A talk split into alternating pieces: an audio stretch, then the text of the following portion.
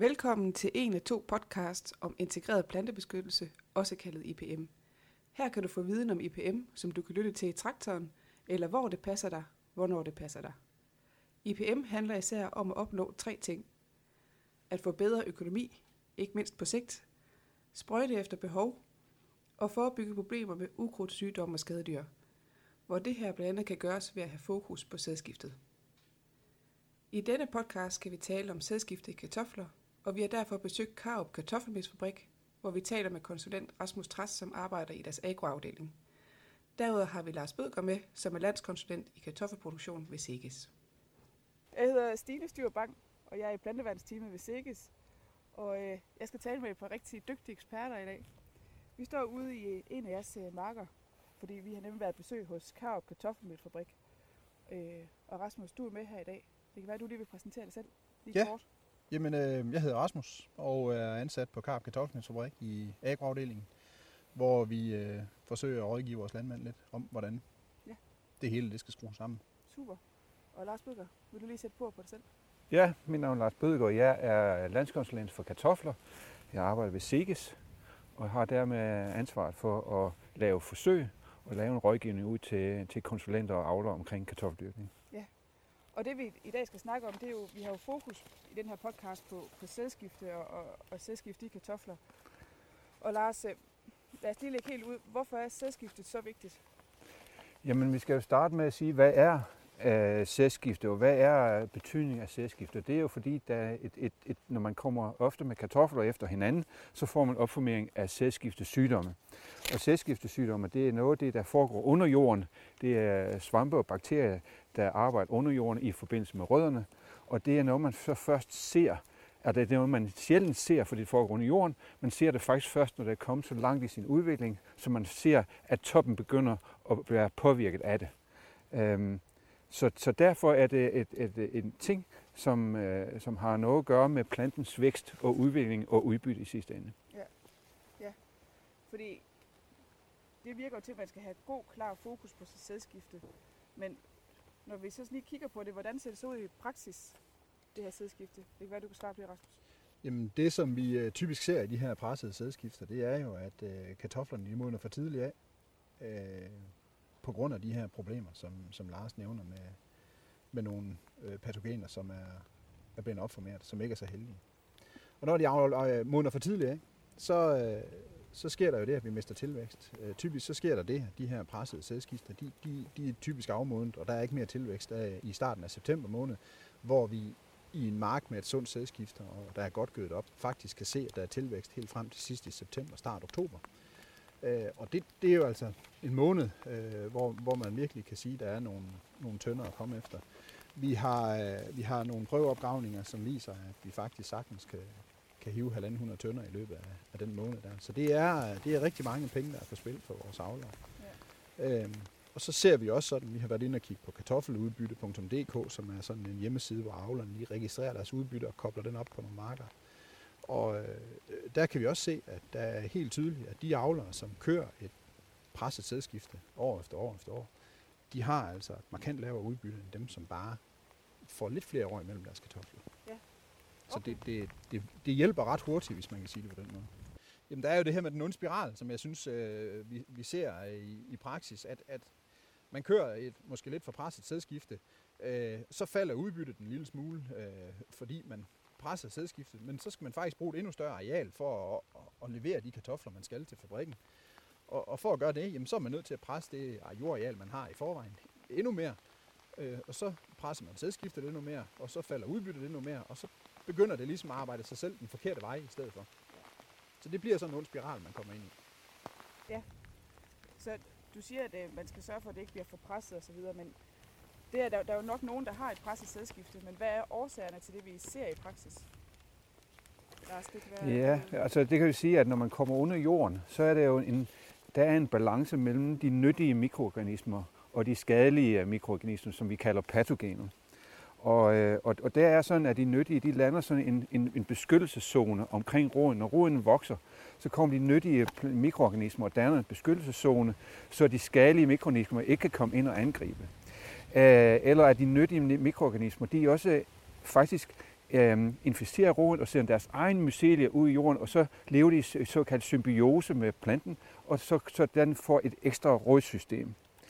Øh, så sker der så det, hvis man har et tættere sædskifte, så begynder man at få en opformering af de skadelige øh, mikroorganismer, de skadelige patogener i højere grad, så er planten øh, bliver efterhånden, altså de nyttige ikke kan lige holde planteråden øh, fri, og så sker der en infektion. Øhm, og så øh, sker det det, at, at, øh, at når at, øh, at den øh, bliver mere og mere inficeret, så, så, så kan planten lige pludselig ikke optage vand og næringsstoffer i en grad, som gør, at den kan forsyne øh, toppen øh, med, med, med, med næringsstoffer. Og så sker der lige pludselig det, at øh, planten øh, øh, bliver underforsynet med, med vand og næringsstoffer, og så klapper den lige pludselig sammen på et tidspunkt, hvor der måske er, øh, den skulle være vokset en 3-4 uger endnu. Øh, vi er henne i måske i slutningen af august, begyndelsen af september, hvor planten så lige pludselig ikke kan få den forsyning af, plant, af vand og næringsstoffer. Ja, det er faktisk sådan, at, at, øh, at når man går ud i en enkelt mark, så er det svært at se, om den her mark afmodner af sædskiftesygdom eller af næringsstofmangel. Men det er faktisk sådan, hvis man sætter en satellit op og tager et foto af bladmassen, øh, så kan man faktisk øh, sidst på sæsonen, når man undersøger over 2-3.000 marker, så kan man faktisk se, at der, hvor der er et anstrengt sædskifte, så har man op til 10% mindre bladmasse i de marker i, i september måned. Jamen, de der 10% øh, mindre bladmasse, som I måler fra satellitten af, det passer faktisk rigtig godt med det, vi kan se i udbyttestyringen, at, at de her marker, som har en mindre bladmasse på cirka 10%, det er faktisk nogenlunde det, der, øh, samme udbytte nedgang, vi ser, at vi faktisk mangler 10% af udbyttet i de marker der. Så det, det passer faktisk rigtig godt sammen. Ja, ja fordi at, altså det viser jo bare, hvor, hvor vigtigt det er, at en avler har fokus på sit sædskifte, fordi der kan jo ske store konsekvenser ved ikke at have det. Men jeg tænker, Rasmus, altså, nu har vi hørt om, hvad avlerne skal have fokus på, men jer fabrikker, hvilke foranstaltninger gør I i forhold til at forebygge sædskiftesygdomme? Ja, man kan jo sige, at den helt korte øh, øh, løsning, vi kører, eller hvad skal man sige, den nemme løsning, vi kører, det er jo, at da man fandt brok i 2014, øh, der var vi ligesom nødt til at gøre noget som fabrik, for ellers så, øh, hvad skal man sige, så fandt man brok for mange steder. Så det vi har gjort øh, i KMC-regi, det er jo, at man har indført øh, et sædskiftekrav, som træder i kraft næste år, altså i 2018, hvor der skal have været to kartoffelfri år forud for, øh, for de kartofler, der skal leveres til en fabrik i, i KMC. Ja. Øhm, så det er jo sådan, hvad skal man sige, det helt øh, på den korte bane, vi gør. Det vi gør sådan på den lidt længere bane, det er jo, at vi forsøger øh, ret ihærdigt at se, om ikke vi kan skaffe nye avlere øh, hvad skal man sige, lidt længere ude, hvor der måske ikke historisk set har været så mange kartofler. Ja. Øhm, så så vi, vi prøver hvad skal man sige, at opdrive nyt land, og se om ikke vi kan få fundet nogle, øh, få fundet nogle avlere øh, lidt længere væk fra fabrikkerne. Og dernæst så prøver vi at presse lidt på for vores avlere, fordi der er faktisk så god økonomi i kartofler, så vi må godt køre lidt efter den gode mark. Øh, så, så vi har lavet nogle beregninger på, at, at skal man nu køre 10 km efter en mark på 10 hektar, så er det måske noget, der koster 1000 kroner i, i omkostninger til at køre øh, transport til, øh, til den her mark. Men altså 1000 kroner i en kartoffelmark, det svarer til 15 tønder per hektar, så, så det, det, det er lynhurtigt hvad skal man sige, tjene sig hjem igen, hvis nu øh, man formår at øge udbyttet ude på de her lidt bedre øh, jord- eller jomfrujord. Ja, så der er muligheder derude. Det er der. Ja. Det, det er helt sikkert. Men det er da godt. Jeg synes, jeg synes den lige afslutningsvis, at øh, hvis I har nogle gode råd til, hvordan man så, hvis man nu sidder her og bliver inspireret til at få et sundere sædskifte, har I så nogle gode råd til, hvordan man kan opnå det her? Lige kort, lige nogle stikord. Ja, gode råd. Man, man kan jo sige, at, at den her opformering af, af, af skadegør i jorden, det er ikke én, det er mange forskellige uh, patogener. Um, og, og, og de opformerer sig i forskellige, uh, i forskellige uh, hastigheder. Men hvis man skal have et, et, de, øh, nogle tommelfingerregler, så skal man have minimum tre år fri for kartofler. Vi skulle gerne have 4-5 år fri, men vi skal også anlægge en økonomisk betragtning for, for, for landmanden på hans bedrift, hvor man får det bedste udbytte, men minimum tre fri år. Man skal have sunde lægkartofler, så man ikke bringer smitte ind på sin areale, også specielt på de nye jomfruelige jorder. Man skal bruge sin øh, sortsresistens aktivt, så man lægger de resistente sorter over for specielle kartoffelsystenematorer på de marker, der er, der er mest øh, trængt og hvor eventuelle jordprøver har vist, at der er, øh, er syster, tilgængelige syster.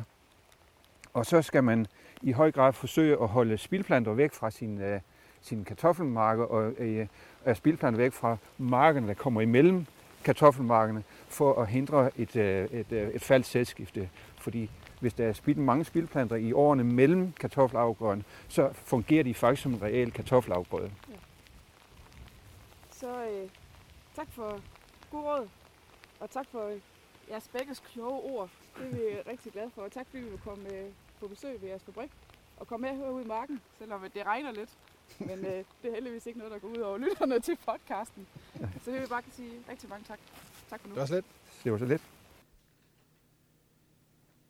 Hvis du er inspireret til at lytte endnu mere til IPM, kan du genlytte denne podcast, eller lytte til den anden IPM-podcast, vi har om resistens.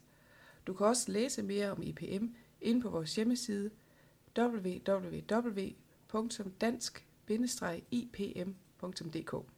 Tak fordi du lyttede med.